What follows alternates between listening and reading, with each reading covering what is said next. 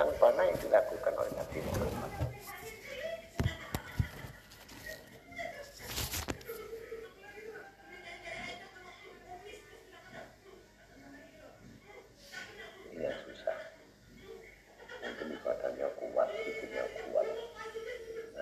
Kuat. Tapi Nabi Muhammad SAW tidak ada. Dia sama sekali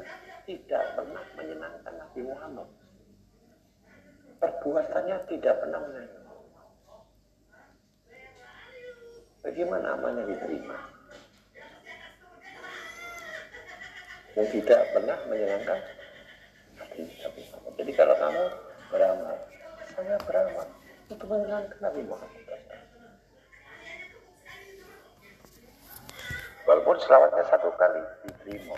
Ini sepuluh ribu satu hari baca selawat. Tetapi tidak pernah menyenangkan Nabi Muhammad.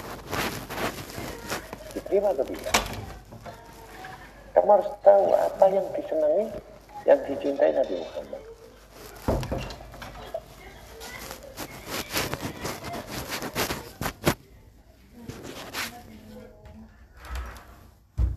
Walaupun sholatnya sedikit, dikirnya sedikit, ibadahnya sedikit. Tetapi perbuatannya ini nah yang menyenangkan Nabi Nabi Muhammad. Maka itu akan dijemput di maksa nanti sama Nabi. Akhlaknya Nabi Muhammad.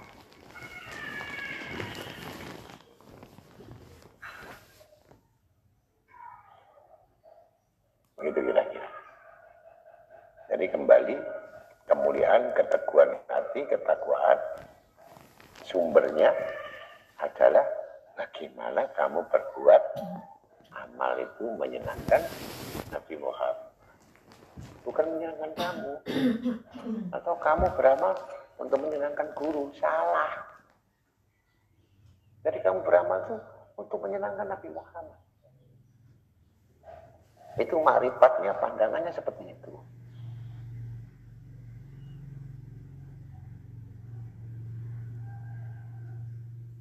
Nah saya medianya saja. Tetapi sebenarnya perbuatanmu itu harus tahu bahwa itu menyenangkan kalau menyenangkan Nabi Muhammad, gimana? Karena ma'ifil jannah, maka dia akan kumpul di surga bersama Rasul Sallallahu.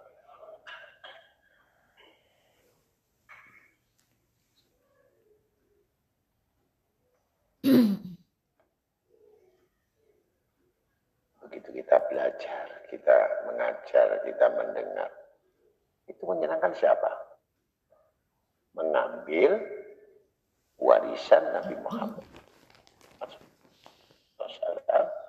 Dan kita bisa melaksanakannya. Jadi bukan kita sendiri yang ibadah ini.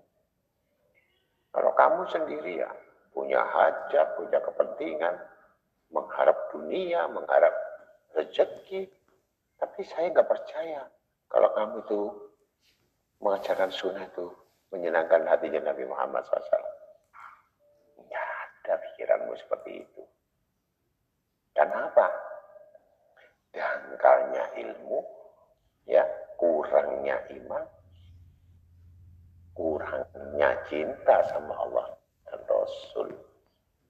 Maka dia terjebak ibadahnya hawa nafsu. Apa hawa nafsu? Mementingkan dirinya sendiri. Belum disebut orang yang mulia. Nggak bisa sebetulnya mulia.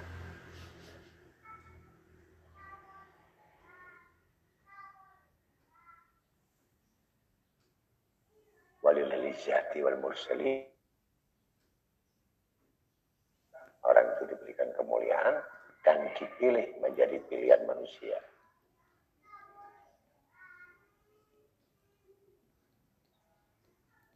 Tapi karena tidak karena Allah, maka yang terjadi kamu diberi rezeki diberi, pekerjaan diberi, tetapi maaf tidak ada sama sekali Allah dan Rasulnya melihat kamu. Karena kamu kamu mementingkan dirimu sendiri.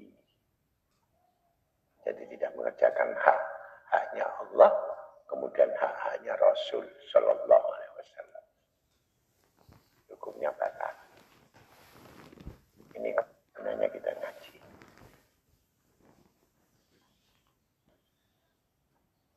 Jadi itu pokok dari kemuliaan.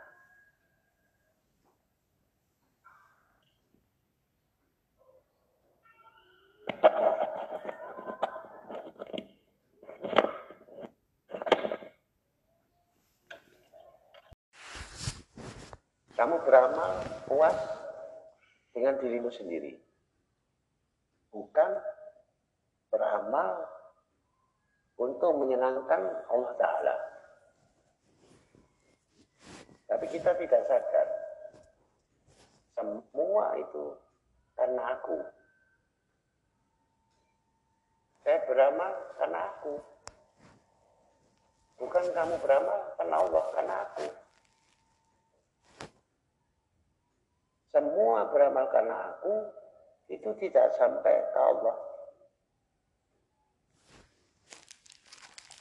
Maka dia tidak termasuk golongan orang yang gembira di akhirat.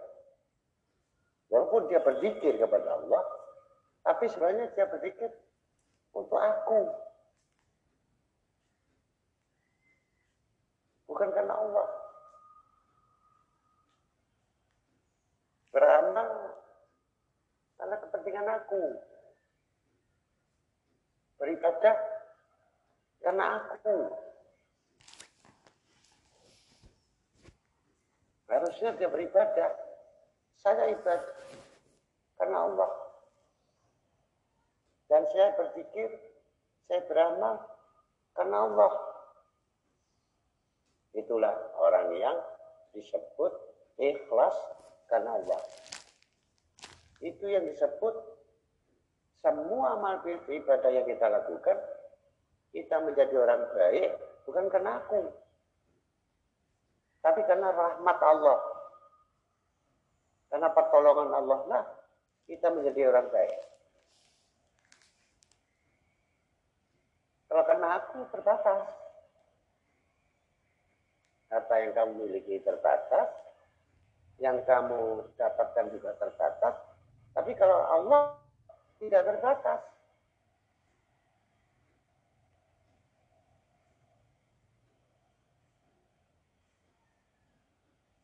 Jadi mulai sekarang skill kita, kita rubah. Perbuatan kita yang karena aku, kita rubah. Semua yang datang dari Allah, kembali kepada Allah. Semua harta yang kita miliki dari Allah kembali kepada Allah. Itu rahmat. Jadi jangan terjebak oleh hawa nafsu karena aku, aku sanggup.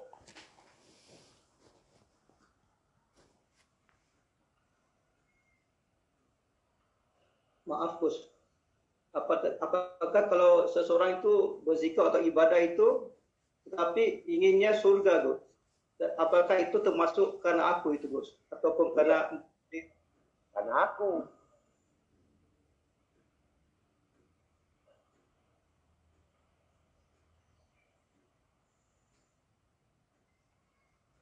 Karena Allah. Jadi yang mengatur Allah. Yang berikan petunjuk Allah. Yang berikan pertolongan Allah. Jadi bukan kita. Kalau aku, ya sudah. Batas dari apa yang kita milik. Tapi karena Allah tidak terbatas.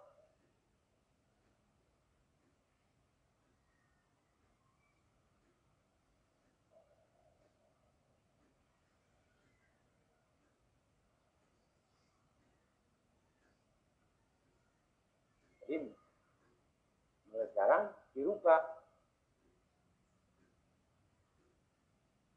Nanti beda. Ya, kita belanjakan kita beli, yang kita rasakan, yang kita nikmati. Kalau karena Allah beda. Dia sudah surga sebelum masuk surga. Ini yang disebutkan di kolbin salim. Hati yang selamat. Hatinya sudah surga. Kolbin salim. Maka dia bila sirati mustaqim. Kata di Bali, Muhammad bin Abi. Maka sungguh dia dapat petunjuk ila menuju siratul mustaqim. Jalan yang lurus. Karena hatinya diberikan keselamatan oleh Allah. Karena Allah Allah titipkan keselamatan assalam dalam hati orang beriman. Jadi bukan karena aku, bukan karena manusia, bukan karena yang lain atau makhluk yang lain.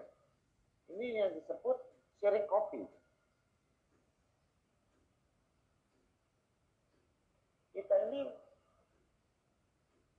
Penyakitnya sirik kopi, bukan sirik jali. Penyembah hawa nafsu itu sirik kopi. Mementingkan diri sendiri itu sudah sirik kopi. Tidak penting dia hidup.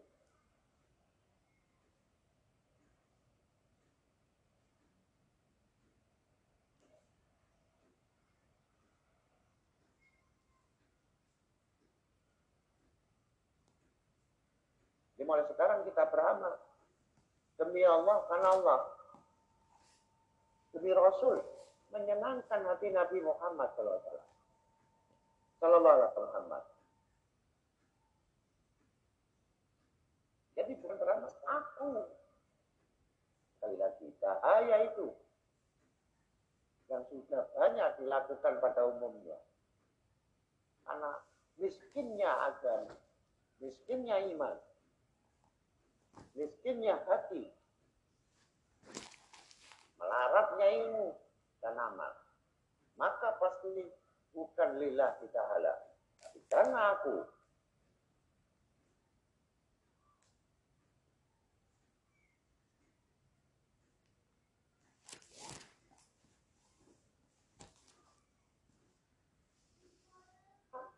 Allah tidak akan membalas jadi yang kita harus melupakan. Seperti hanya kita buang air besar di kamar mandi. Nggak mungkin kita mengingatnya.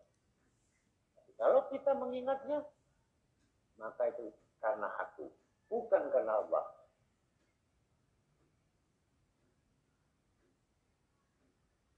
saya sudah banyak, wirid saya sudah banyak, ibadah saya sudah banyak, Mana?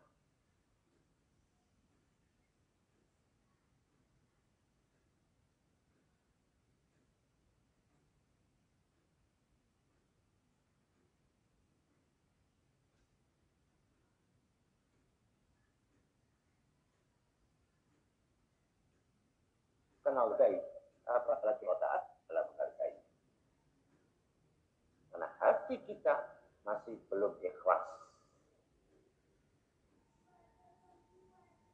Paham ya? Pasti hati yang gak tidak akan gembira dia bisa masuk surga. Karena di dunia dia selalu berat hati bahkan selalu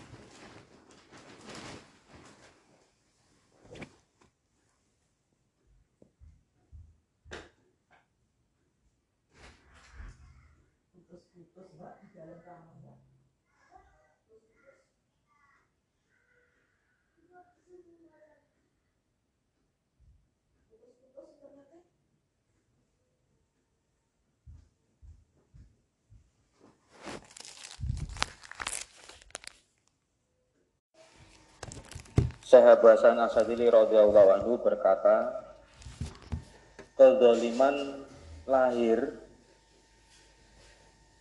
kedoliman lahir yaitu cinta kepada selain Allah Subhanahu wa taala.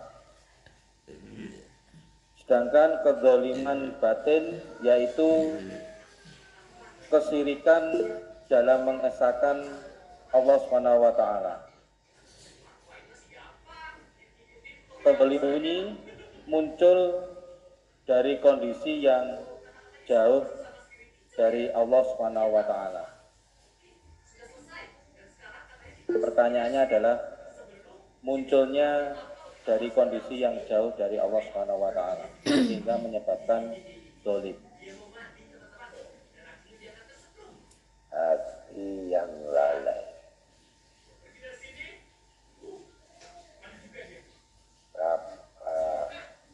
Banyak manusia diberi hati tapi dalam kelalaian.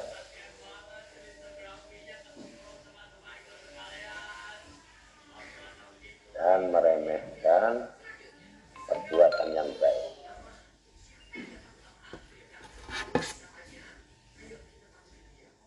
Meremeh.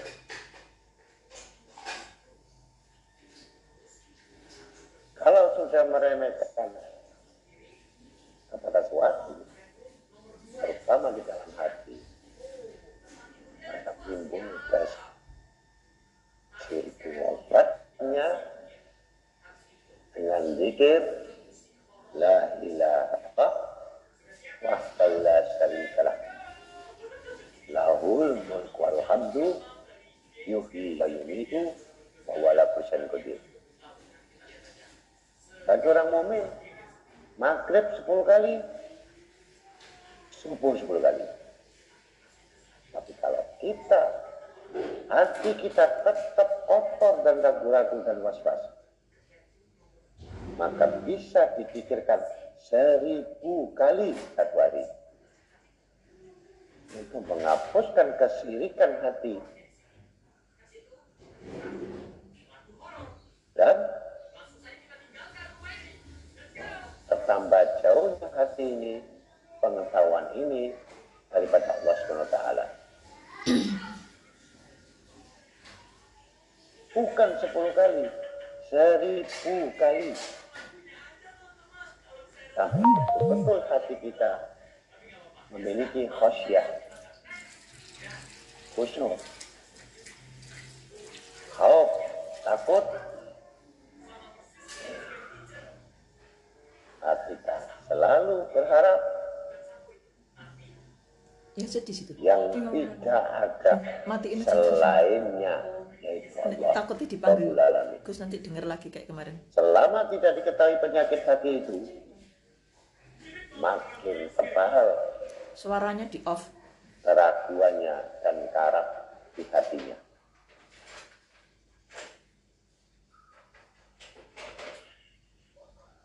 Setelah itu, makin lama makin dikunci oleh para hatinya.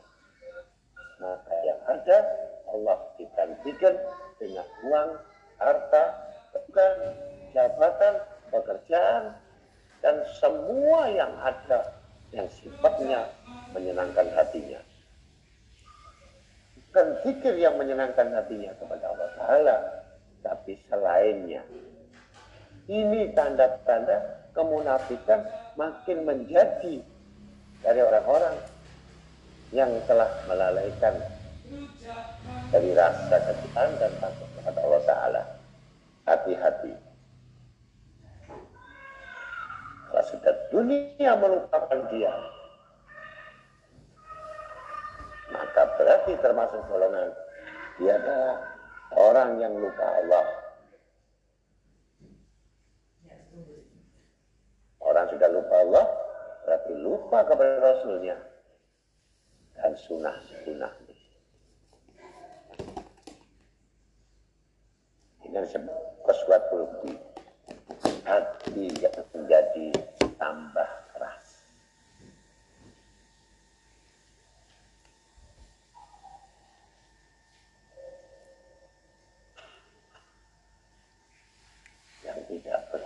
lagi ketika disebut nama Allah. Tidak ada lagi cenderung ketika disebut nama Allah. Karena hatinya sudah dikuasai oleh cinta dunia. Ngaku tidak ngaku.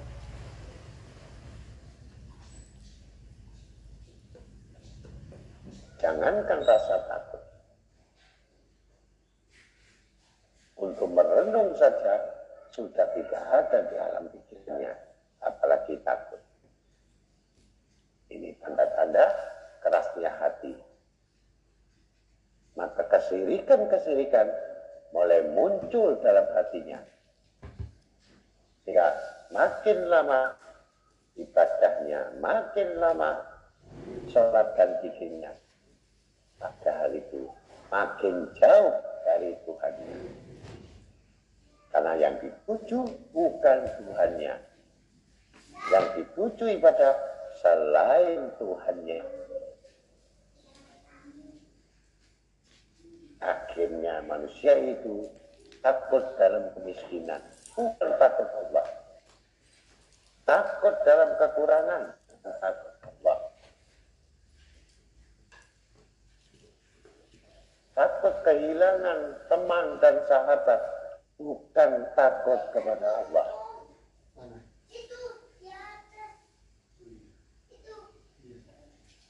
Maka orang seperti itu tidak ada harapan lagi untuk mendapatkan sesuatu pertolongan hatinya dari Allah. Yaitu di qalbin salim. Padahal hakikat pertolongan rahmat. Hati yang selalu mengingat Allah. Bukan hati yang lalai tidak mengingat Allah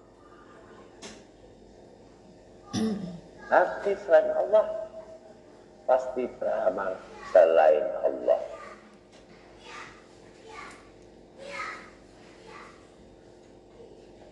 Kalau hati selalu takut kepada Allah, maka dia beramal semata-mata karena Allah.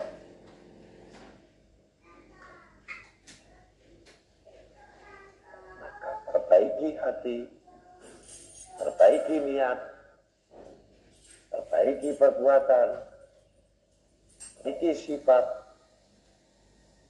yang ada pada manusia keburukan. Wajib untuk dihilang sunnah wajib. Kalau itu berlaku ternyata dia tidak sanggup melakukannya maka dia dapat putusan Allah adalah golongan orang fasik atau orang munafik atau orang zalim.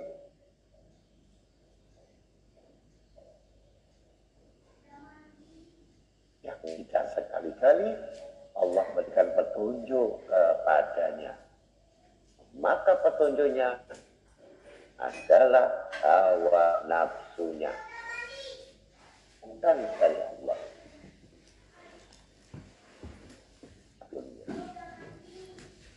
Semakin bertambah amalnya, semakin bertambah ilmunya, semakin bertambah zikirnya, tetapi semakin dihamburkan amal itu seperti debu berterbangan.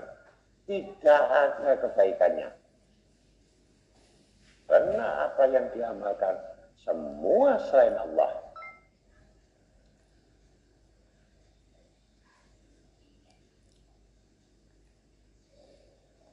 Itu yang kita takutkan. Maka tidak pernah merasa aman. Kalau dia mengetahui bahwa perbuatan dan amal itu diketahui bukan Allah.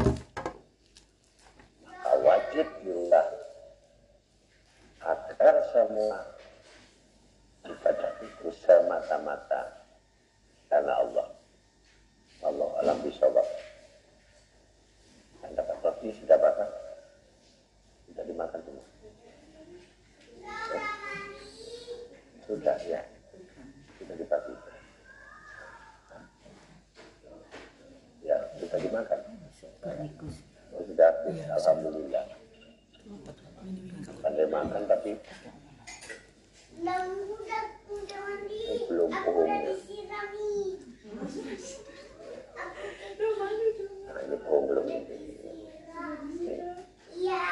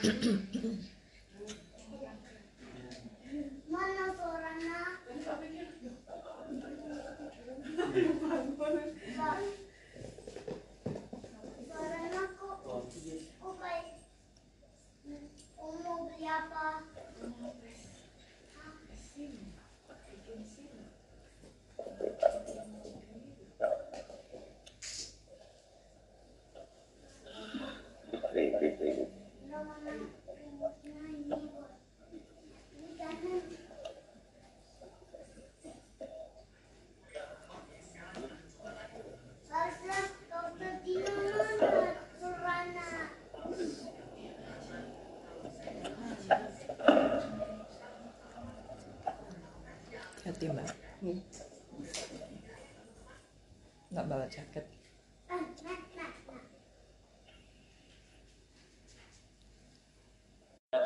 Masih dalam kitab yang sama Risalah Al-Amin dari Syekh Abu Hasan Asadili radhiyallahu anhu berkata perbaharui pandangan iman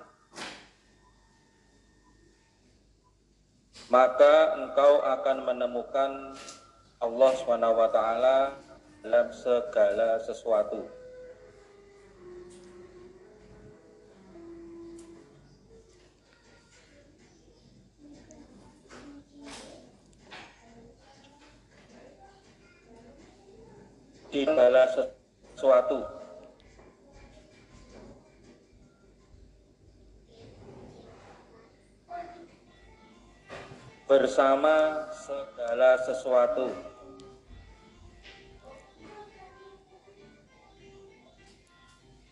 Atas segala sesuatu. Ketemu. Di bawah segala sesuatu. Tadi mbak bawa dua-duanya ke sana. Apa? Pas ke rumah sakit mbak bawa dua-duanya. Dekat dengan segala hal. Minjem itu dulu gak kasuan minjem mbak ini. Enggak yang tadi di yang tadi dipakai begini. dan meliputi segala hal. Kata kuncinya adalah perbaharui pandangan iman. Ini yang bisa mendapatkan baik itu di depan, bersama, di atas, di bawah, dekat, dan meliputi segala sesuatu pemahaman.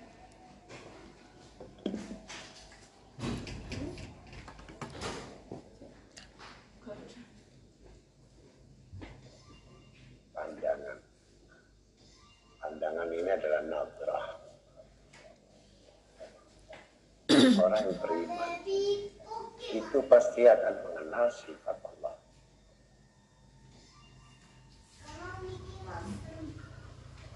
Kalau hati itu selalu memandang, mengingat Allah, maka mata ini memandang itu karena sifat Allah. Dia memperhatikan semua alam semesta ini tidak lain kembali yang menciptakan Allah. Sampai memperhatikan semut yang berjalan itu tidak akan bisa berjalan tanpa izinnya. Dia tahu ada sifat Allah. Contohnya nggak usah jauh-jauh. Taruh kecoa yang mati atau cecah. Padahal nggak ada semut. Maka tidak dari mana semut itu bisa datang. Karena ada sifat Allah yang menggerakkan hidung semut bahwa rezekinya ada di situ. Jadi semua pergerakan ini karena sifat Allah. Tapi karena manusia itu kuat akunya, beriman tapi kuat akunya. dia tidak akan bisa memandang sifat Allah. Jadi pandangannya bebas. Pandangannya tidak terhalang, tetapi tidak ada sifat Allah. Ini kalau orang tasawuf mengatakan golongan aulia, ini orang yang khianat pada matanya. Karena dia memandang tidak dengan sifat Allah. Maka termasuk pandangan mata yang berkhianat.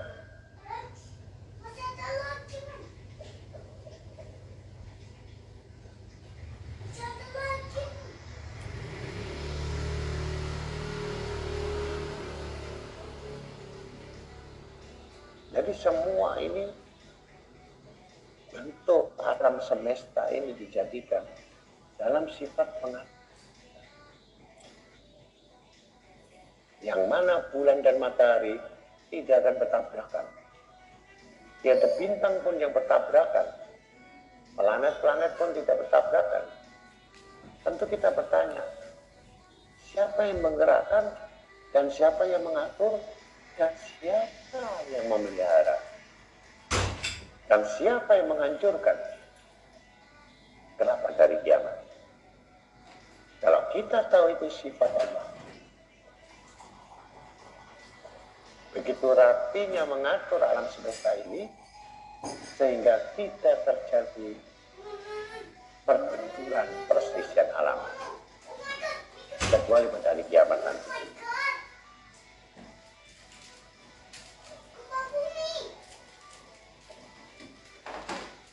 Begitulah manusia dijadikan dalam pengaturannya. Maka Allah mengendaki jangan pernah jadi orang lain. Karena Allah Ta'ala telah menjadikan kita dengan sebaik-baik dan sangat sempurna. Baik kelebihan dan kekurangannya. Semua dalam pengawasannya maka pandangan kita apa yang kita lihat di situ karena sifat Allah. Aku berhasil dengan hambaku dan hambaku pun berhasil dengan aku. Jadi manusia punya rahasia dan Allah pun punya rahasia. Dan manusia Allah sembunyi dalam rahasia itu hati manusia. Apakah dia hati orang yang mukmin, hati yang khusyuk, maka Allah berhasil di hati orang mukmin. Ketika orang munafik, orang fasik, maka hatinya berhasil dengan hawa nafsunya.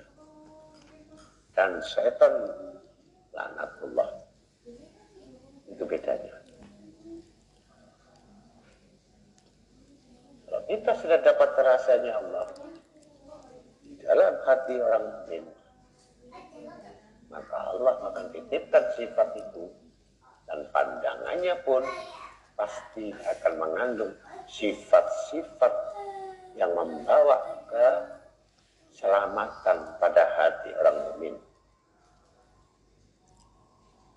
Jangan yang kianat tadi dengan pandangannya membuat semakin gelisah dan semakin tamak dan rakus terhadap dunia dan pasti yang demikian orang itu takut mati.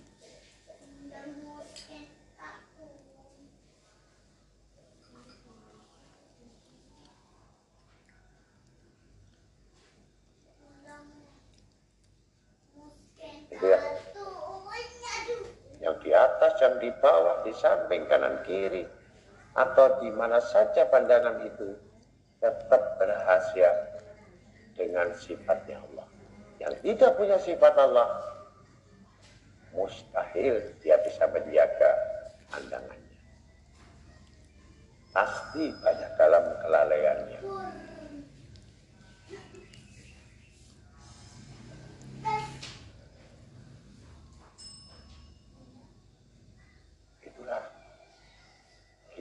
Berjalan dengan pandangan sudah betapa sulit amanat mata itu yang telah diberikan kepada kita ini.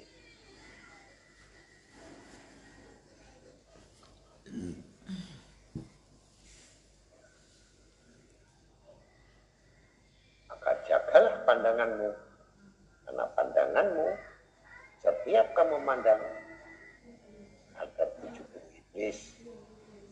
iblis. 70 iblis.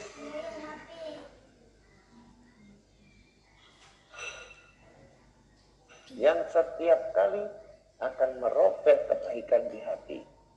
Akan merusak kebaikan di hati. Karena kita sudah memancing dengan pandangan itu untuk mengikuti hawa nafsu. Kecuali pandangan-pandangan yang mempunyai sifat-sifatnya. Selain itu, maka peranan iblis di mata kita tidak akan hilang. Akan berpatah menjadi mata juitan, mata buaya, mata keranjang, mata kianat, mata licik, mata pengedut, mata-mata. Banyak sekali kejahatan-kejahatan yang ada di mata ini. Itu karena perbuatan yang tidak ada pandangan sifat Allah. Maka mata ini menjadi sifat-sifat hawa nafsu.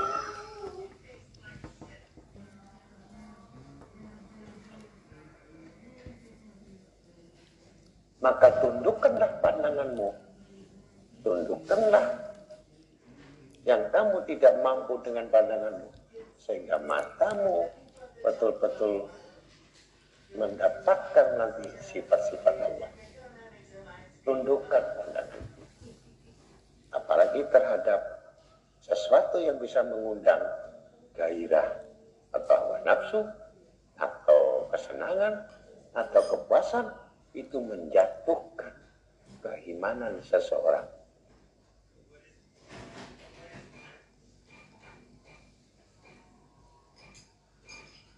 Yang harus kita harusnya cinta suka timbul kebencian. Karena kita tidak suka perbuatannya. Karena kita melihat maka timbul menjadi marah. Timbul menjadi kecewa. Timbul menjadi orang tidak suka. Karena hanya karena kita memandang. Karena kita melihat. Belum kita bicara. Yang Hanya dijemur punya siapa? memandang. Yang dijemur punya siapa? Tapi bisa membuat kebencian. Dicuci. Juga bisa membuat hawa nafsu. Karena kita hanya melihat. Bisa merubah hati yang harusnya selamat. Jadi hati menjadi orang-orang yang timbul dari segala sifat keburukan. Maka orang dulu selalu memperhatikan kitab. Orang dulu selalu baca Al-Quran. Orang dulu selalu melihat ayat-ayat Allah. Agar matanya terpelihara dari segala bentuk kesalahan dan kekeliruan. Itu yang disebut mata sehat. Ketika kita melihat alam semesta ini, maka pandangan mata kita akan mempengaruhi jiwa dan hati kita. Yang seharusnya tidak ada, maka muncul saat itu ketika kita melihat. Daya tarik, daya kesenangan, daya kepuasan, karena kita melihat. Inilah pandangan-pandangan orang munafik, pandangan orang fasik, pandangan orang kafir. Tidak ada sifat Allah di dalamnya. Dengan pandangan mata saja sudah membuat dinding hijab pada hati. Yang tidak bisa membuka rahasia. Yang tidak akan mengetahui rahasia Karena pandangan mata kita sudah menguasai hati kita. Kalau hati kita sudah dikuasai oleh pandangan, maka rusaklah semua iman. Rusaklah keyakinan. Rusaklah ketuhanan. Rusaklah semua keadaan dan sifatnya. Karena tidak ada sifat Tuhannya.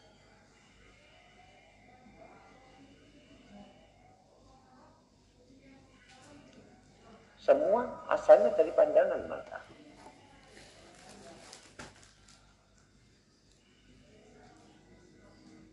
Maka hati-hati dan pandangan tadi membuat kecintaan dan membuat kebencian.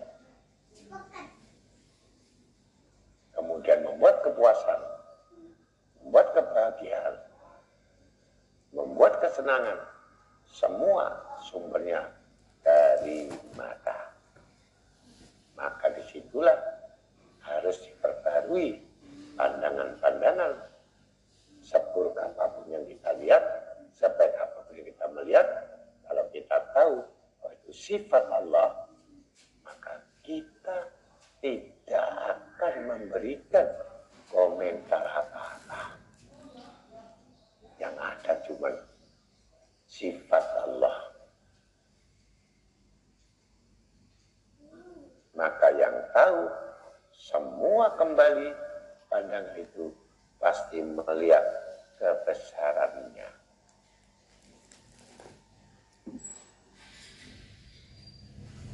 Bukan dasar kemanusiaan, bukan berdasarkan hawa nafsu, bukan berdasarkan sifat binatang buas, tetapi sifat Allah sudah bisa dirasakan dalam hati, maka pandangan-pandangannya itu adalah pandangan kebesaran dan kekuasaan Allah SWT. Maka jagalah pandanganmu. Kalau kamu tidak kuat, tundukkanlah pandanganmu. Sehingga selamat dari mata dan selamat dari khianatnya mata, lidihnya mata, kebohongannya mata, di situ karena sifat manusia cenderung untuk mencari kesenangan belaka dalam urusan duniawiya. Allah alam bisawab.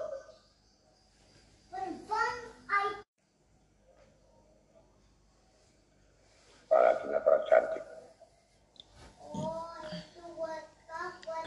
Perlu ditelan sekali.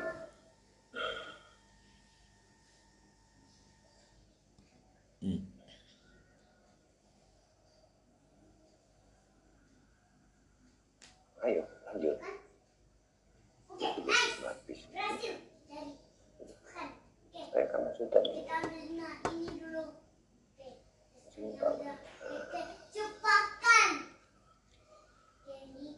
Selanjutnya masih dalam kitab yang sama dari Risalah Al-Amin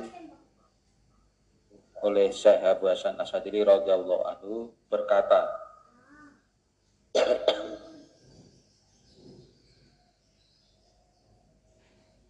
di dalam Quran surat Al-A'raf ayat surat yang ke-7 ayat ke-69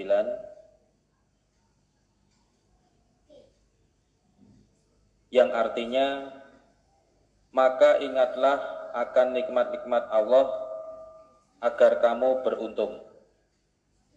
Ini didahului oleh orang berakal yaitu orang yang mengetahui keburukan dirinya dalam kebaikan Allah padanya. Dilanjutkan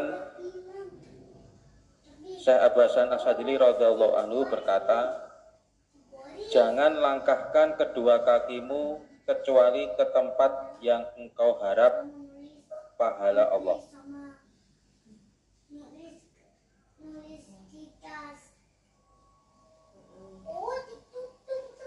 Jangan duduk kecuali di tempat yang golibnya engkau aman dari maksiat kepada Allah.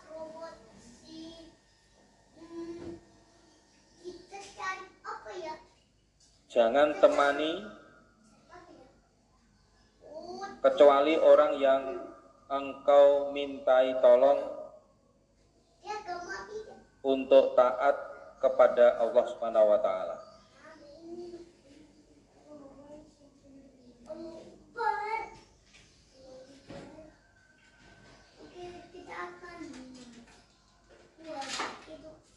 Dan jangan pilih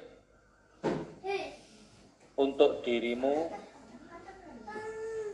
selain orang yang dengannya engkau dapat menambah keyakinan kepada Allah. ah, Namun orang seperti itu amat langka. Pertanyaannya, langkah, duduk, dan teman serta memilih untuk diri kita itu karena Allah taala. Tetapi hal ini adalah sangat langka. Nah, bagaimana supaya bisa menemukan kriteria tersebut? Manusia hidup itu tergantung pada lingkungan. Kalau lingkungan orang-orang soleh, pasti dia dapatkan kesolehan. Tapi kalau lingkungan orang-orang Pas. orang yang bercanda, orang-orang yang membuang waktu, maka kamu masuk golongan orang-orang yang lalai juga. Padahal kehidupan kita, kita banyak bergaul dengan orang-orang yang melalaikan dalam agama. Yang sangat sedikit mengingatkan dalam ketaatan. Maka disebut sangat langka manusia di akhir zaman ini bicara tentang agama. Kecuali kita bisa menemukan itu di majelis ilmu. Maka duduklah kamu di majelis ilmu. Pasti akan mendapatkan ketaatan dan menambahkan keyakinanmu. Dan menambahkan lagi ketakwaanmu. Itulah keuntungan-keuntungan kalau kita membutuhkan ketaatan dan ketakwaan itu. Kita harus duduk dengan orang-orang yang selalu beri nasihat agama. Selain itu, tidak manfaat. Dan ditempatkan bahulaika khosirun mereka adalah golongan orang-orang yang rugi waktu, kesempatan, dan ketaatan. di situ ada. Nggak, yang.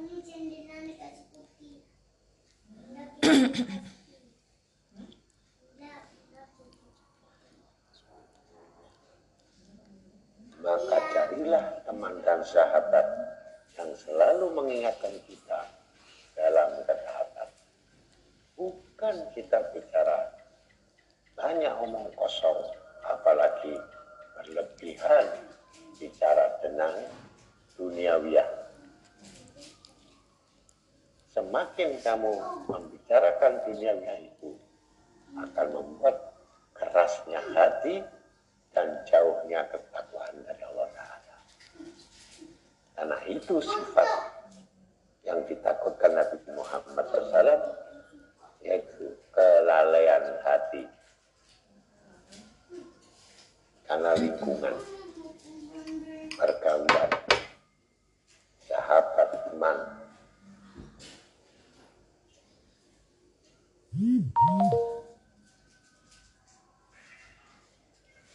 apalagi dalam sibuknya pekerjaan. Pasti kita sedikit sekali untuk mengingat Allah.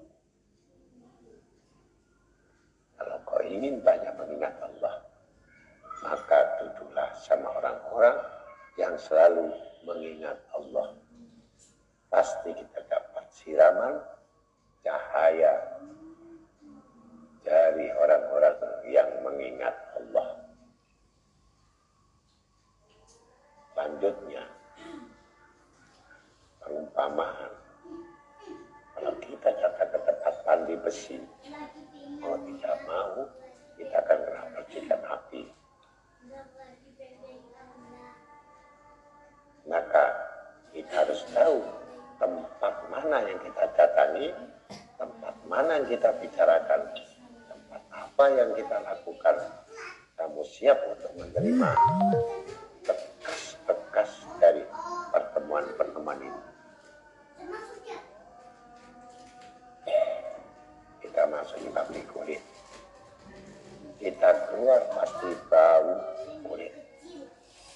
Padahal kita tidak menyentuh kulit. Kita masuk di tempat toko minyak wangi. Padahal kita tidak beri minyak wangi. Tetapi bau kita jadi minyak wangi. Jadi semua ada bekas-bekas. Yang mana bekas-bekas itu tidak disadari oleh manusia bahwa dia telah melakukan tindakan-tindakan yang hanya melalaikan Allah, maka sedikit sekali untuk mengingat Allah. Maka bergegaslah untuk mencuci semua keburukan itu dengan mendatangi majelis-majelis ilmu sehingga kita seperti masuk di ruangan minyak wangi maka bekas-bekas itu akan ada pada hati kita dan pikiran kita apalagi kita mengingatnya maka itu yang disebut orang-orang yang telah melaksanakan perintah Allah dan mengerjakan amal-amal soleh yang telah dia terima di akhirat nanti.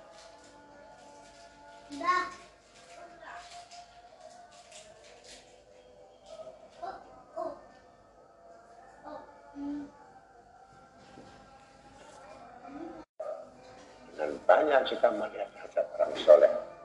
Dengan banyak kita belajar dengan orang soleh. Kita akan mendapatkan semua itu. Walaupun kita belum melaksanakan daripada amal soleh itu. Tapi Allah sudah mencatat. Kamu telah beramal soleh. Belum dilaksanakan. Allah sudah turunkan malaikatnya untuk mencatat dan Allah sendiri mencintai orang-orang yang duduk di majelis ilmu. Maka rajin-rajinlah kita datang di majelis ilmu agar kita semakin dibentengi oleh kebaikan-kebaikan yang tidak akan bisa diterobos oleh keburukan-keburukan dan dijauhkan dari tempat-tempat yang buruk. Itulah rahmat Allah Ta'ala. Mudah-mudahan kita semuanya bisa menjalani dan terus duduk bersama orang-orang soleh, jangan duduk bersama orang-orang fasik, duduk dengan orang munafik yang banyak mengeraskan hati kita semakin jauh dari Allah Ta'ala. Wallahu a'lam bishawab. Dari Syekh Abu Hasan Asyadili radhiyallahu anhu berkata, larilah dari kebaikan orang, larilah dari kebaikan orang,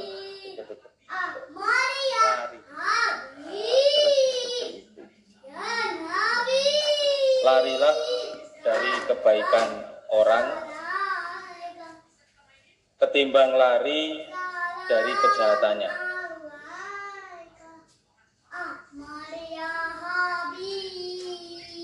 Sebab kejahatannya akan mengenai badanmu, sedangkan kebaikannya akan mengenai hatimu. Dan terkena tubuhmu lebih baik bagimu daripada terkena hatimu. Ini terkait dengan dampak buruk maksiat lari dari kebaikan orang itu lebih baik daripada lari dari kejahatannya.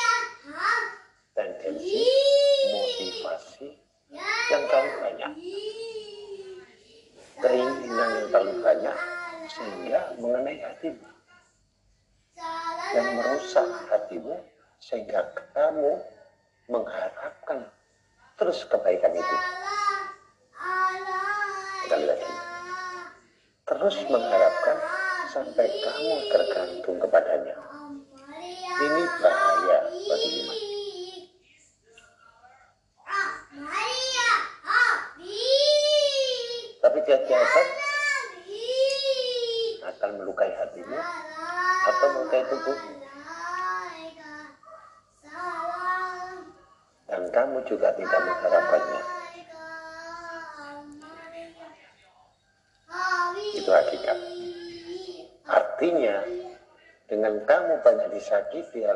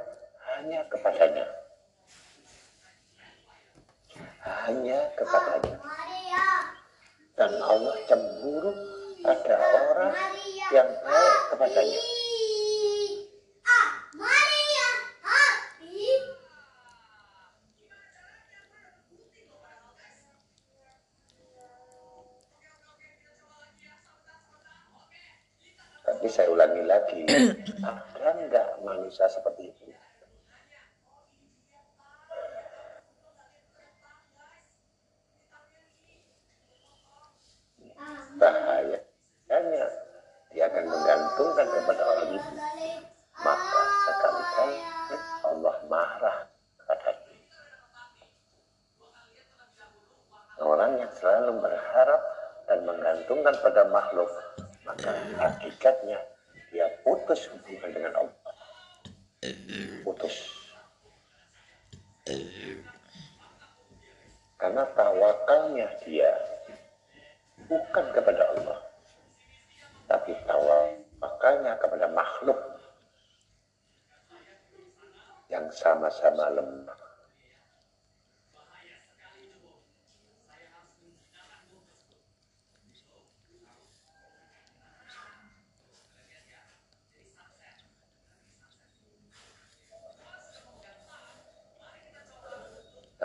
siapa yang terus mengaku makhluk itu sudah tidak ada atau sudah tidak mampu maka patahlah harapannya dan kebingungan dalam kehidupannya karena dia bukan termasuk orang-orang yang mendekat kepada Allah tapi banyak mendekat kepada manusia yang paling gila lagi mengharap.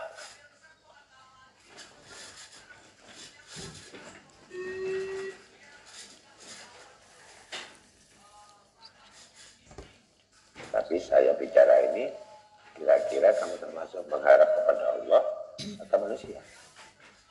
Jujur. Jujur. Padahal orang selalu mengharap pada manusia dan menunggu pada manusia itu golongan orang-orang munafik.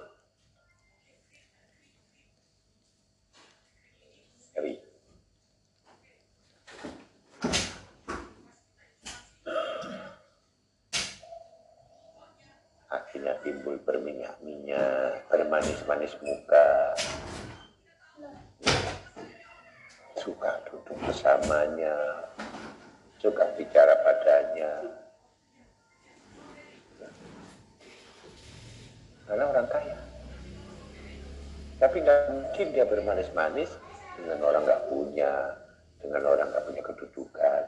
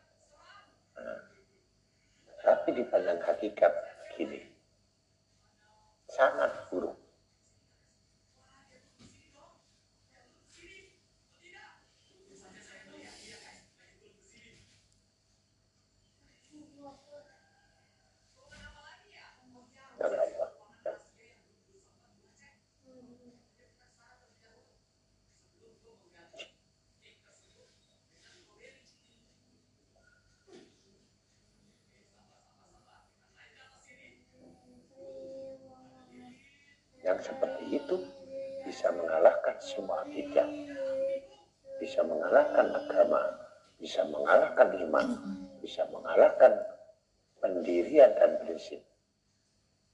Maka demikian Allah tidak memandang ibadatnya. Iya.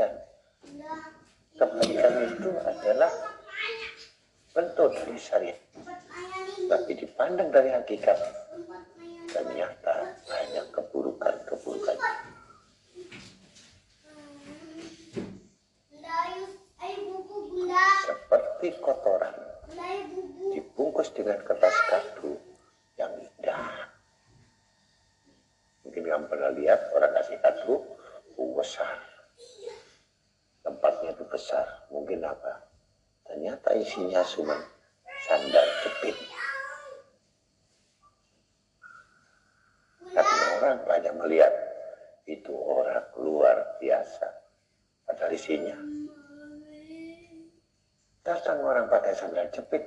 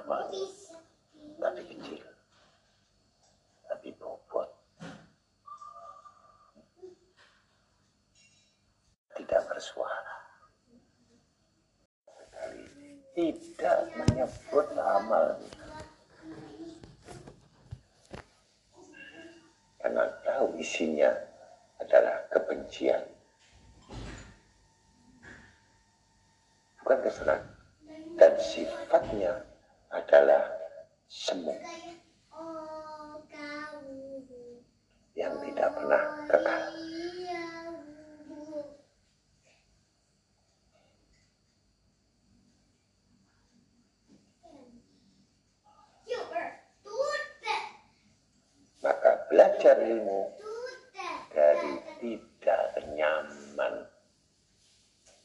Bukan belajar ilmu dari nyaman atau nyaman.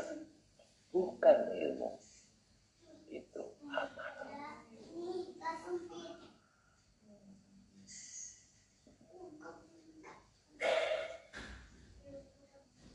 Berarti bertolak belakang dengan Imam Syafi'i dan siapa yang belajar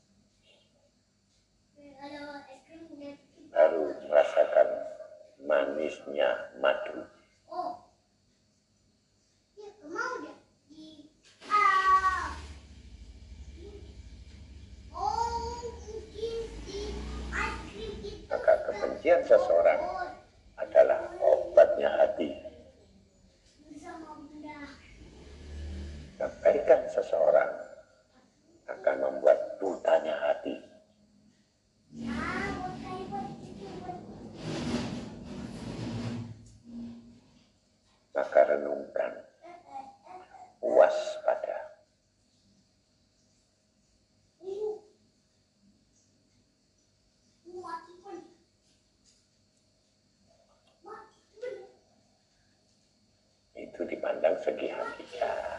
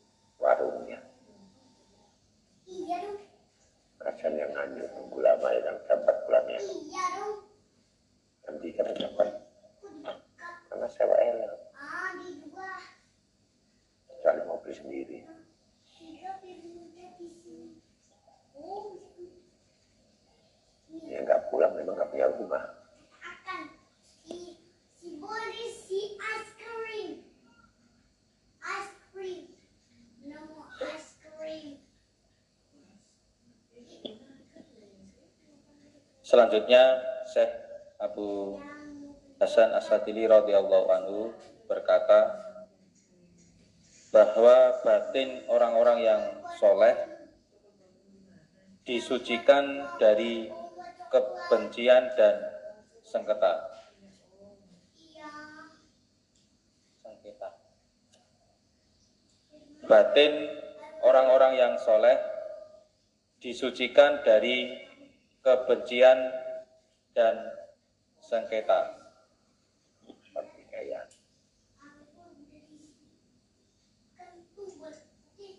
Hati orang soleh. Sama sekali tidak merasakan apa arti kebencian. Apa arti dendam. Yang sifatnya merugikan. Apa artinya sangat buruk.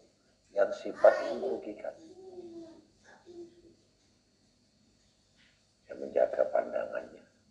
Menjaga pendengarannya menjaga lisannya, menjaga perbuatannya, menjaga langkahnya,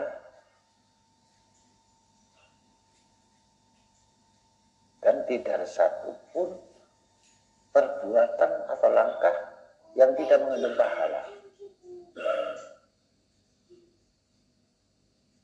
Hitungannya, dia selalu menghitung langkahnya.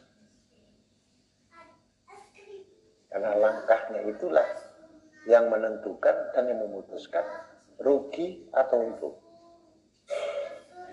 Hanya orang tidak berakal yang tidak mengetahui langkahnya. Dan langkah itu menentukan neraka atau surga. Makanya kanan kiri. Kanan golongan ashabul yamin, kiri golongan ashabul shimal. Maka setiap langkah, setiap pandangan tidak ada satupun yang mengandung unsur yang maksiat kepada Allah Ta'ala. Gitu. Beda orang awam. Umbar semua. Baik pandangannya, pendengarannya, langkahnya, perbuatannya, semua mengandung maksiat.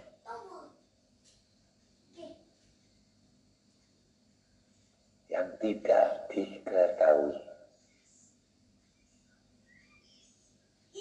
Yang nggak tahu kalau itu maksiat.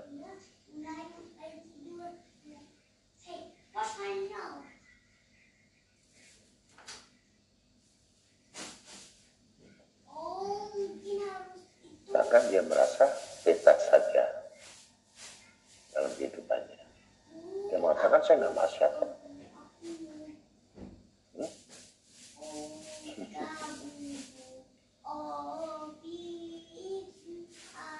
Padahal dia duduk tempat maksiat. Dia bilang nggak maksiat. Yang penting saya nggak maksiat, tapi duduk tempat maksiat.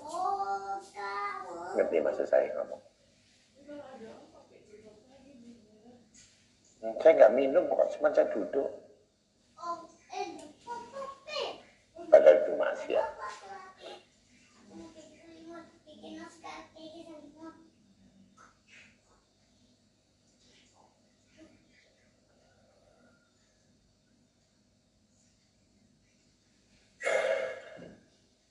Jadi tidak ada arti perasaan benci, marah, kecewa, dendam, atau bangga. Nah, saya tambahkan. Manusia itu kan ada gila pujian,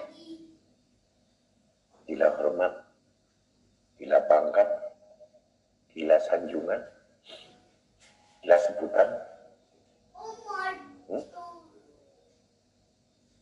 Ketika dimaki atau diolokkan, dia sangat marah. Berarti dia hewan. Marah hewan. Itu sifat binatang buas. Kecewa, tersinggung.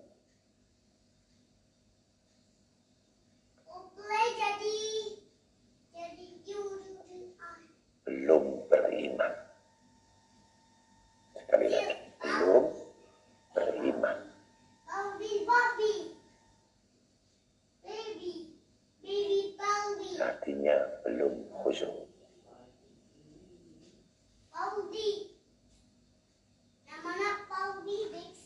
Hmm.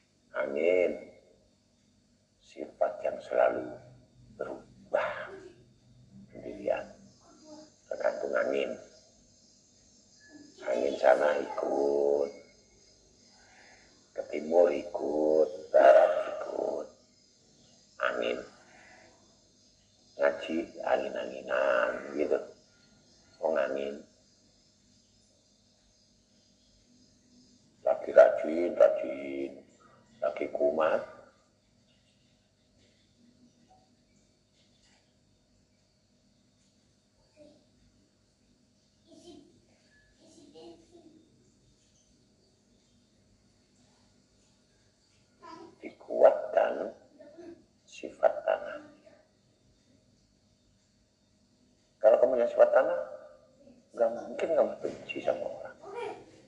Nggak mungkin kamu marah. Coba anak itu diisi mayit, busuk. Oke, menerima. buat kotoran WC, oke. Tetap dikasih tanaman, tetap disuburkan. Tanam padi hidup,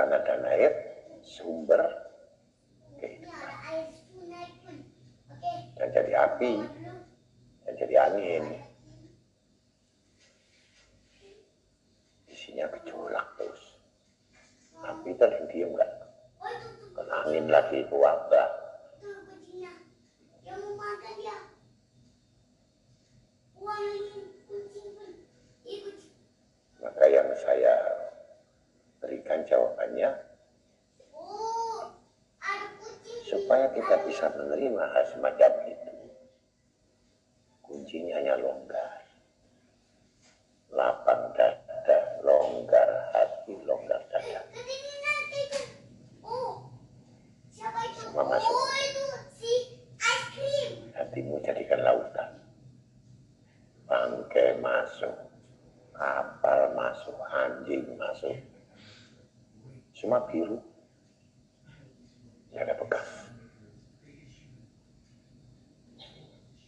suci, bisa buat wudhu. Tapi diminum nggak bisa.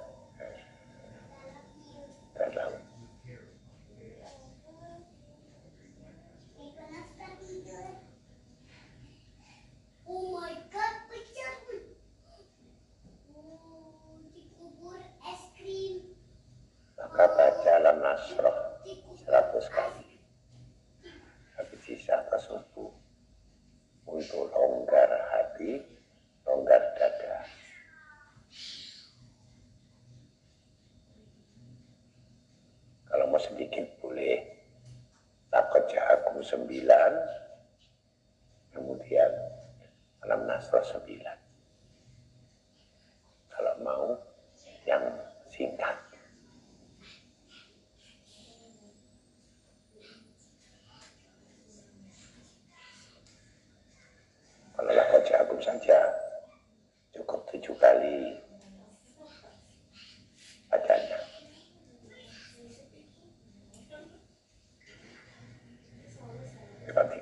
Disebutkan dalam Nasrah 9.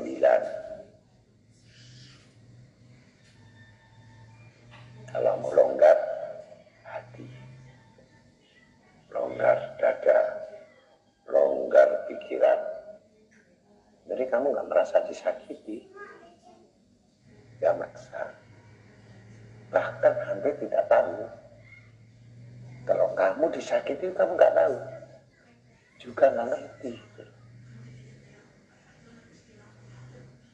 Saking lembutnya Allah Ta'ala mencabut sifat-sifat buruk dalam hati.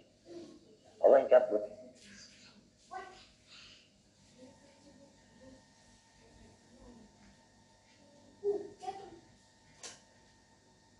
Ada satu riwayat. Oh, Seorang guru ini begitu dekatnya dengan muridnya. Murid ini paling dicintai dari sekian banyak. Maka semacam guru sama muridnya ini. Kenapa dia yang paling prioritas dapat diutamakan? Saya ini kok nggak bisa dekat. Saya nggak bisa merapat. Apa salah saya? Sama-sama belajarnya. Kalau ingin tahu, baiklah.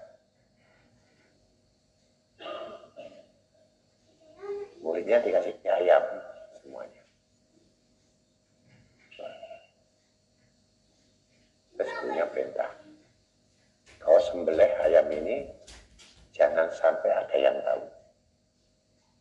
Ada yang sembunyi di pos, ada yang di kuburan, ada yang di balik rumah, ada yang di hutan, ada yang pokoknya di tempat sepi. Yang murid yang dicintai ini, ayam. Guru saya aneh. Saya boleh sembunyi dari manusia, tapi saya nggak boleh. Saya tidak akan bisa sembunyi dari Tuhan. Bagaimana tidak Mbak Anis. tahu saya nyembelih? Lampunya matiin aja mbak. Pasti Allah tahu. Ini Malaikat tahu. Tamu nih. Maka ayam itu tidak disembelih. Saking takutnya sama Allah. Semua bawa ayam sudah sembelih.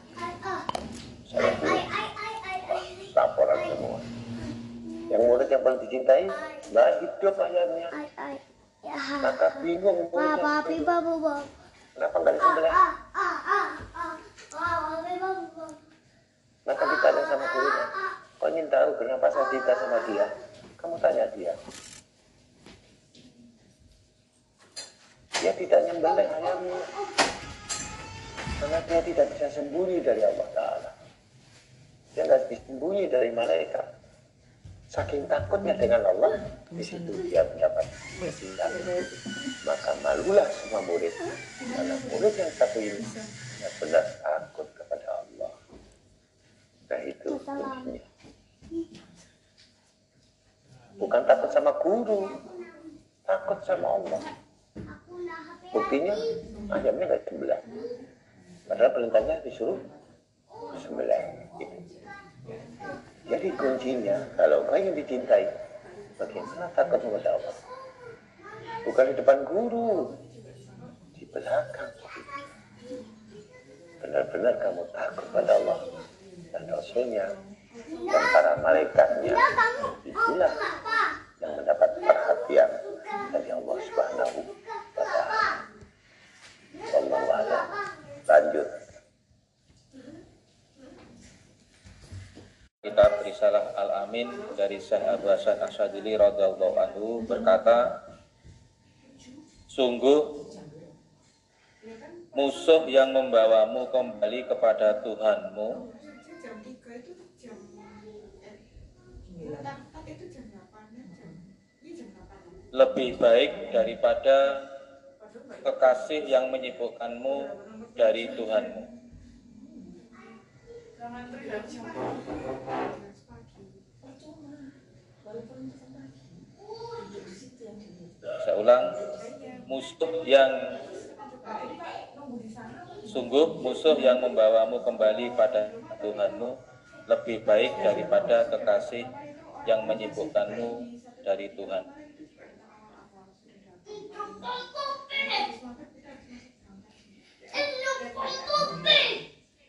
Apakah sama sahabatmu dalam bisnis dengan sahabatmu Oh my god. dalam pengajian? Klik. Oke. Ya, tapi aku nanti habis maghrib pokoknya langsung siap dulu juga. Pilih yang mana? Dari mana ini? Malam banget ya. Pilih buat Oke, kita buat kan terus. Oke. Tugasnya masih dikerjakan ya. yang satu menguntungkan yang satu menguntungkan akhirat. Mm-mm. Kepencet dia. Nih.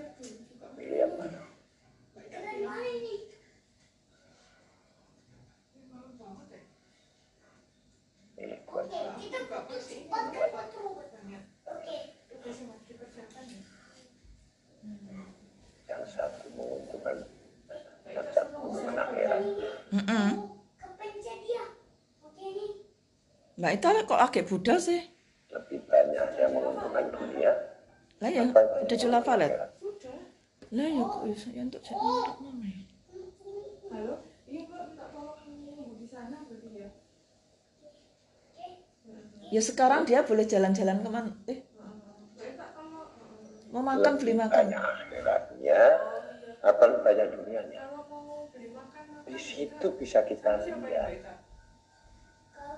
Sama siapa? Sendirian apa? Oh, Kita jujurnya dengan Allah. oh, ya wes, Kita sudah tak jujur.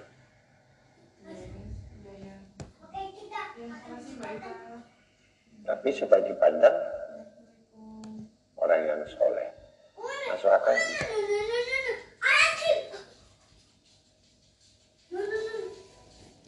Datang ke tempat ulama, datang ke tempat guru, mengatakan ambil barokah. Ternyata barokah diambil, datangannya lari. Ada es krim, teman. Oh my god, dikejar. Habis.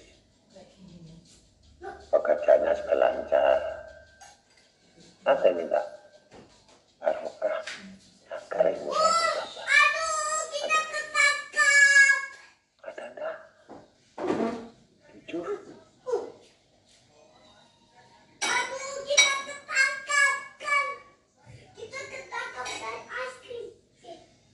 Itu sudah tampak kan? Jadi yang dimaksudkan manusia ini adalah condong cenderung kepada dunia liar, bukan pada akhirat. Karena barokah itu artinya, nah itu biru, kebaikan dari Allah. Bahwa itu rahmat, pertolongan dari Allah. Tapi itu kecukupan dari Allah Ta'ala. Nah itu huas, perbuatan dan ketentuan Allah. Tamar buta itu, itu barokah. Bukan barokah yang dimaksud manusia. Jadi banyak salah alamat.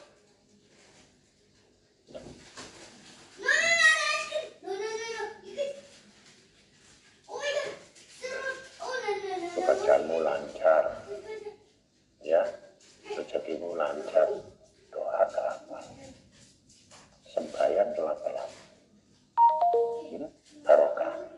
Dari mana? Mau doa saja gak apa Sendiri katanya. Mbak Ita mau makan? Ada. Enggak. Tadi uang. Kalau itu 30. Masuk sama nggak ngerti apa-apa. Tapi Aku lancar. dia. Katanya laris, katanya Dikejar. katanya laris. Tapi goblok agama.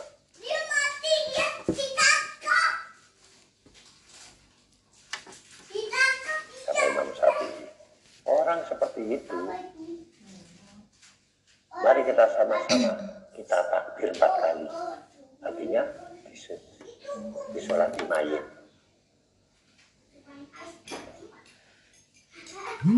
Orang yang bodoh itu kata Imam Syafi'i. Aku udah mandi. Lebih baik ditakbiri empat kali ya. Aku udah mandi. Datang seperti patung, mendengar seperti patung, ngaji seperti patung, jadi sembahyangin mayit. Eh. Bukan saya ngomong. Saking bencinya Allah Ta'ala. Marahnya Allah Ta'ala kepada orang yang bodoh ini tadi. Karena butuh ini tadi jelas musibah.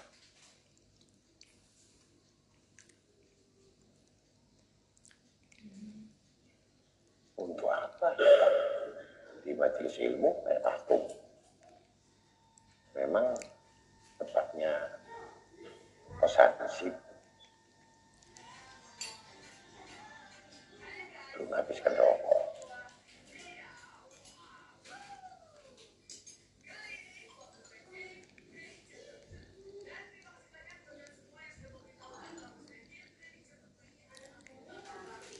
Maka itu garis besarnya. Menghilangkan sifat yang buruk, marah, dendam, jengkel, hukumnya wajib, bukan sunnah. Wajib dihapus. Sehingga menjadi hati rahmat, hati yang penuh dengan perhatian dan pertolongan yang menumbuhkan rasa belas kasihan terhadap semua makhluk.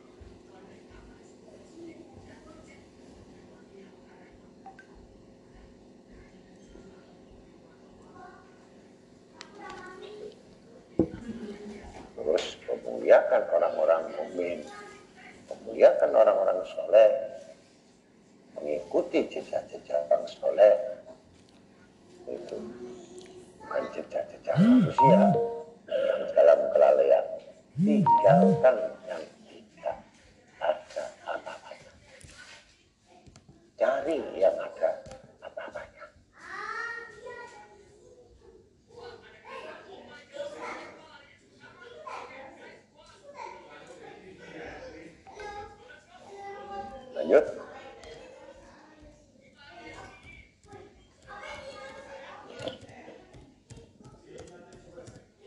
Abu Hasan Asadili radhiyallahu anhu berkata, orang yang melupakan hatinya telah mengabaikan agamanya.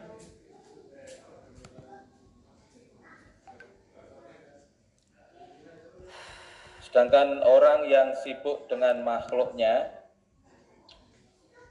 telah menjadikan agama sebagai permainan.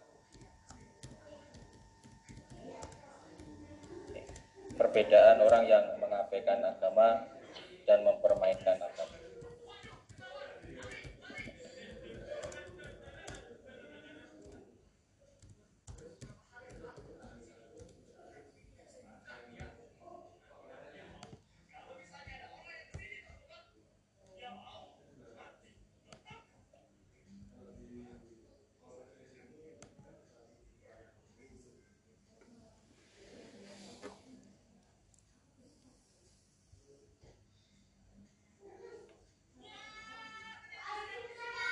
Ya.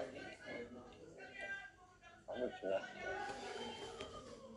Jika juga pikir. Tapi kamu sebenarnya mengabaikan agama. Karena condongmu cenderungmu itu kepada duniawi. Kepada makhluk. Dan menggantungkan dan berharap pada berarti itu segi keimanan tauhid golongan mengabaikan agama. Mana ada orang yang sibuk dengan manusia sibuk dengan pekerjaan. Ingat Allah pendusta.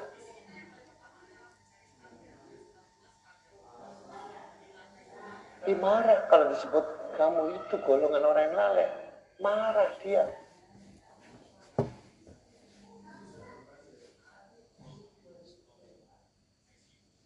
Jadi tidak cocok apa yang dalam kitab Abu Nasadili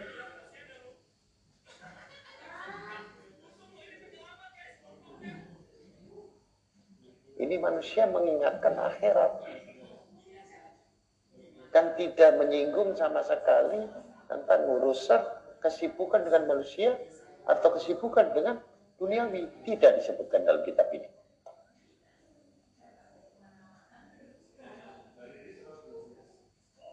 Bahkan dia keluar iman, keluar dari keyakinan.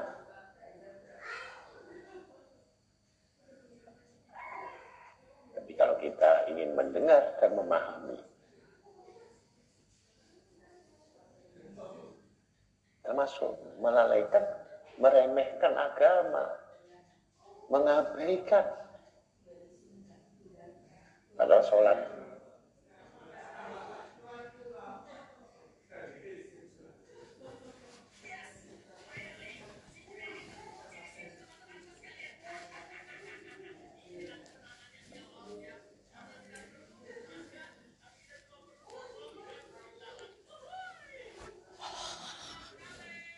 saking kuatnya tadi yang ditanyakan kenapa dunia ini kuat sihirnya daripada harut marut dekat ya karena menipu. Memanipulasi iman. Meredupkan iman mengabaikan iman melalaikan iman duniawi.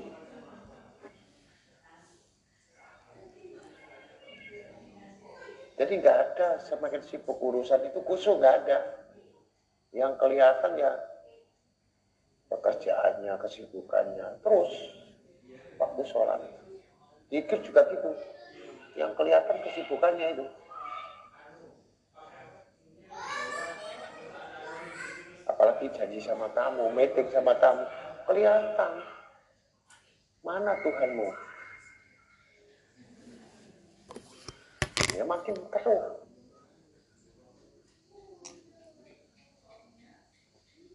Tapi untung masih ngaji gitu kan. Ya. Masih untung lah. Daripada nggak mendengar sama sekali.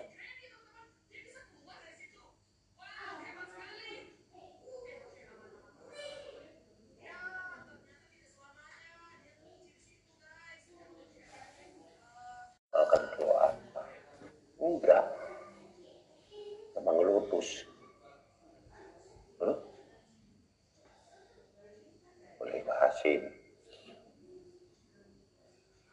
sarwane sing kerja bisa nggak ngono ah. Wis nganggur, goblok bisa.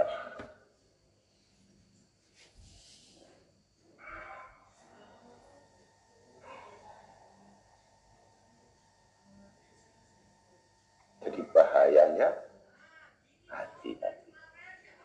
Jadi kitab-kitab yang orang sufi itu bahas hati, bukan bahas dohir. Yang dibuka itu hati semua. Jadi jangan sampai hati itu luka, cacat. Kalau hati sudah cacat, sudah. Semua kepermukaan cacat semua.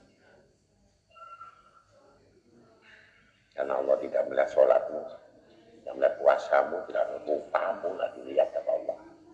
Sujudmu nggak dilihat, pikirmu nggak dilihat, hatimu bener nggak?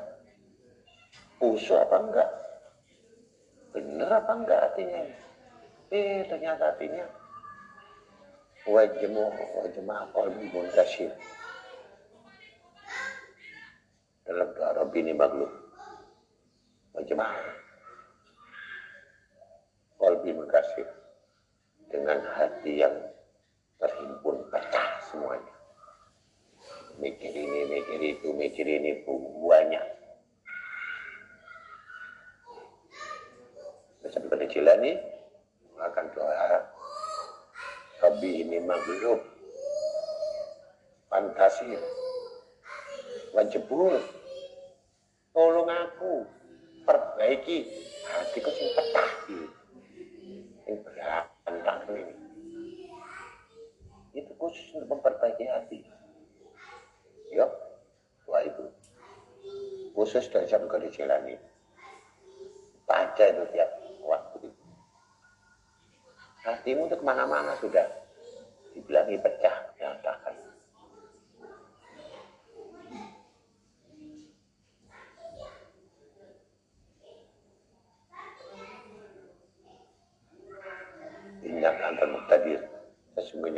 yang menentukan keputusan itu takdirku.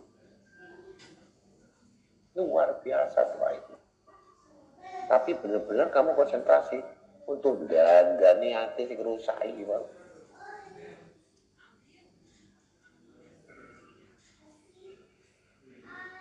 Sampai semua wali-wali memberikan doa itu untuk perbaikan-perbaikan semuanya.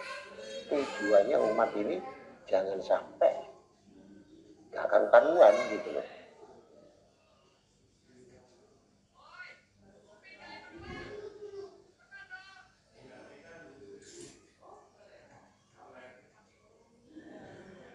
Masa dibilangkan tadi oleh apa namanya?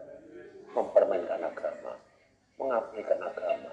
Loh, padahal dia sholat, padahal dia ngaji. Tapi kenapa bilang mengabaikan? Kenapa dibilang mempermainkan? Bohong soalnya. Muncul. Ternyata di balik itu dunia tujuannya itu bocor.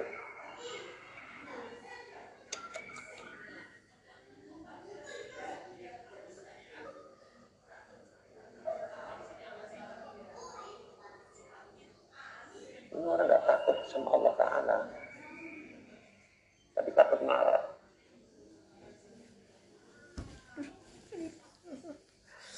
Nggak takut sama Allah tuh. Nggak takut marah. Nggak takut miskin. Nggak takut nggak punya rezeki. Karena dijamin sama Allah Ta'ala.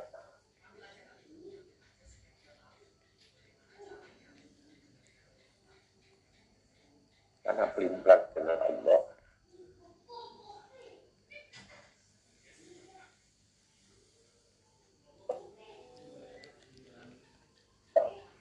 Dan masuk.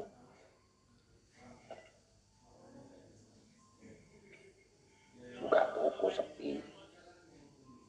Ini kampus.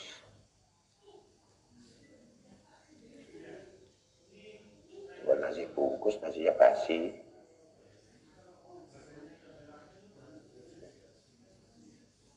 Ada kata dapat untung di mana? Katanya itu berkah. Berkah dari mana?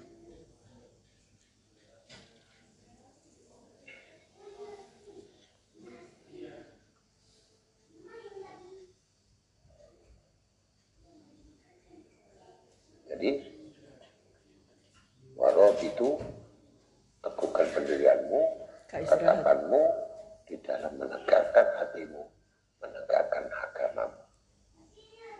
Itu kalau syariat, menegakkan sholat, menegakkan agama. Tapi tauhid, menegakkan imanmu, menegakkan hatimu, berarti menegakkan agamamu.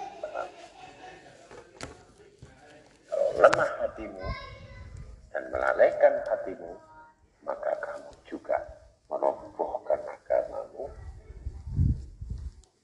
dan mempermainkan agama. Itu dibanding tauhid dengan fikih. Dan fikih sekarang itu bukan fikih yang fikih yang kafi, fikih yang mencukupi, fikih yang sempurna adalah tauhid. Bukan ngambil satu potong hukum, satu potong hukum, hadis satu potong, satu potong, tidak.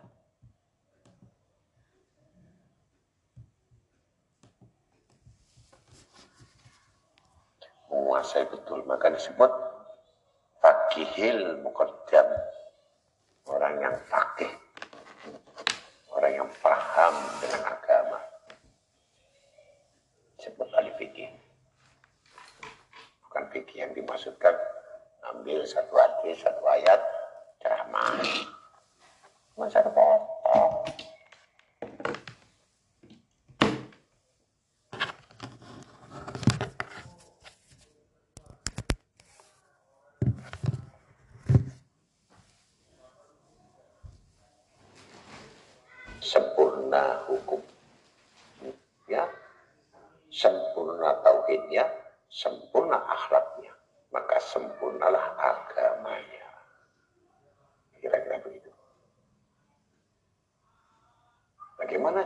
sempurna. Ngaji terus.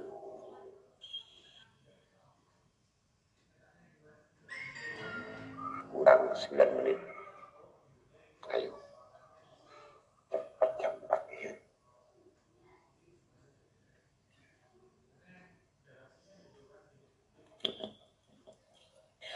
Selanjutnya Syekh Abu Hasan Asadili radhiyallahu anhu berkata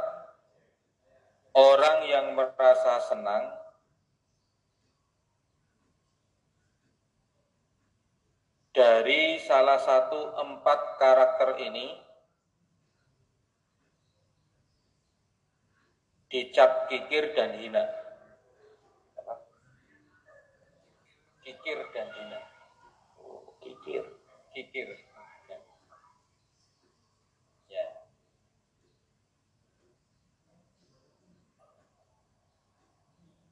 Empat karakter itu adalah satu takut miskin. Oh, saya itu. itu.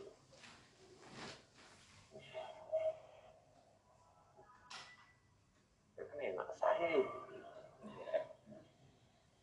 Dua berburuk sangka.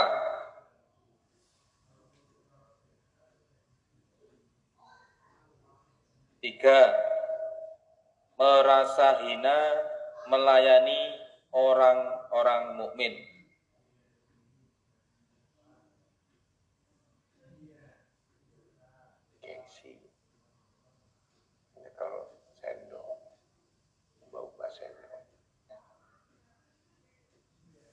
Empat, memprioritaskan nafsu dan hawa.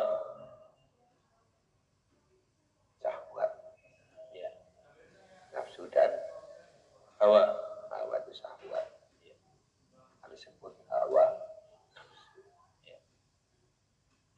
Nah, dari keempat karakter ini, apakah masing-masing berbeda obatnya ini? Istilahnya penyakit ini.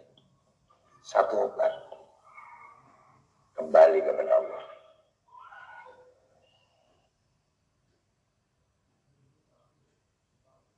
Satu obat, taubat pada Allah. Maka empat kriteria akan terhapus.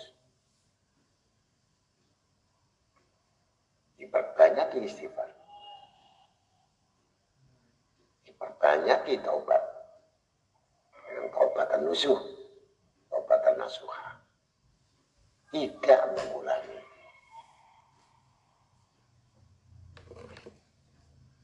Kan susah. Tidak mengulangi.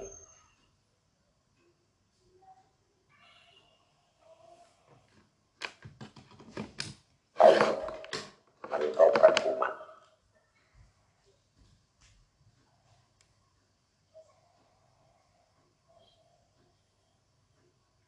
meninggalkan kebiasaan buruk, meninggalkan teman-teman yang buruk, meninggalkan pakaian-pakaian yang buruk, yang buruk,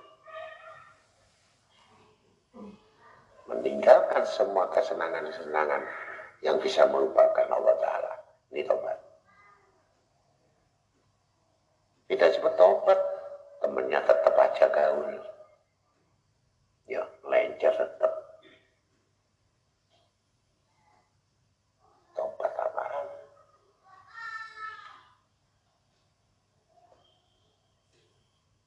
Selama tidak berubah sifatnya, tidak berubah perbuatan, dan tidak berubah kelakuan, tidak disebut bertobat.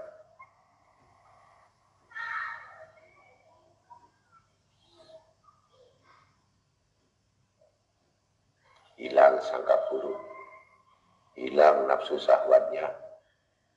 Hmm?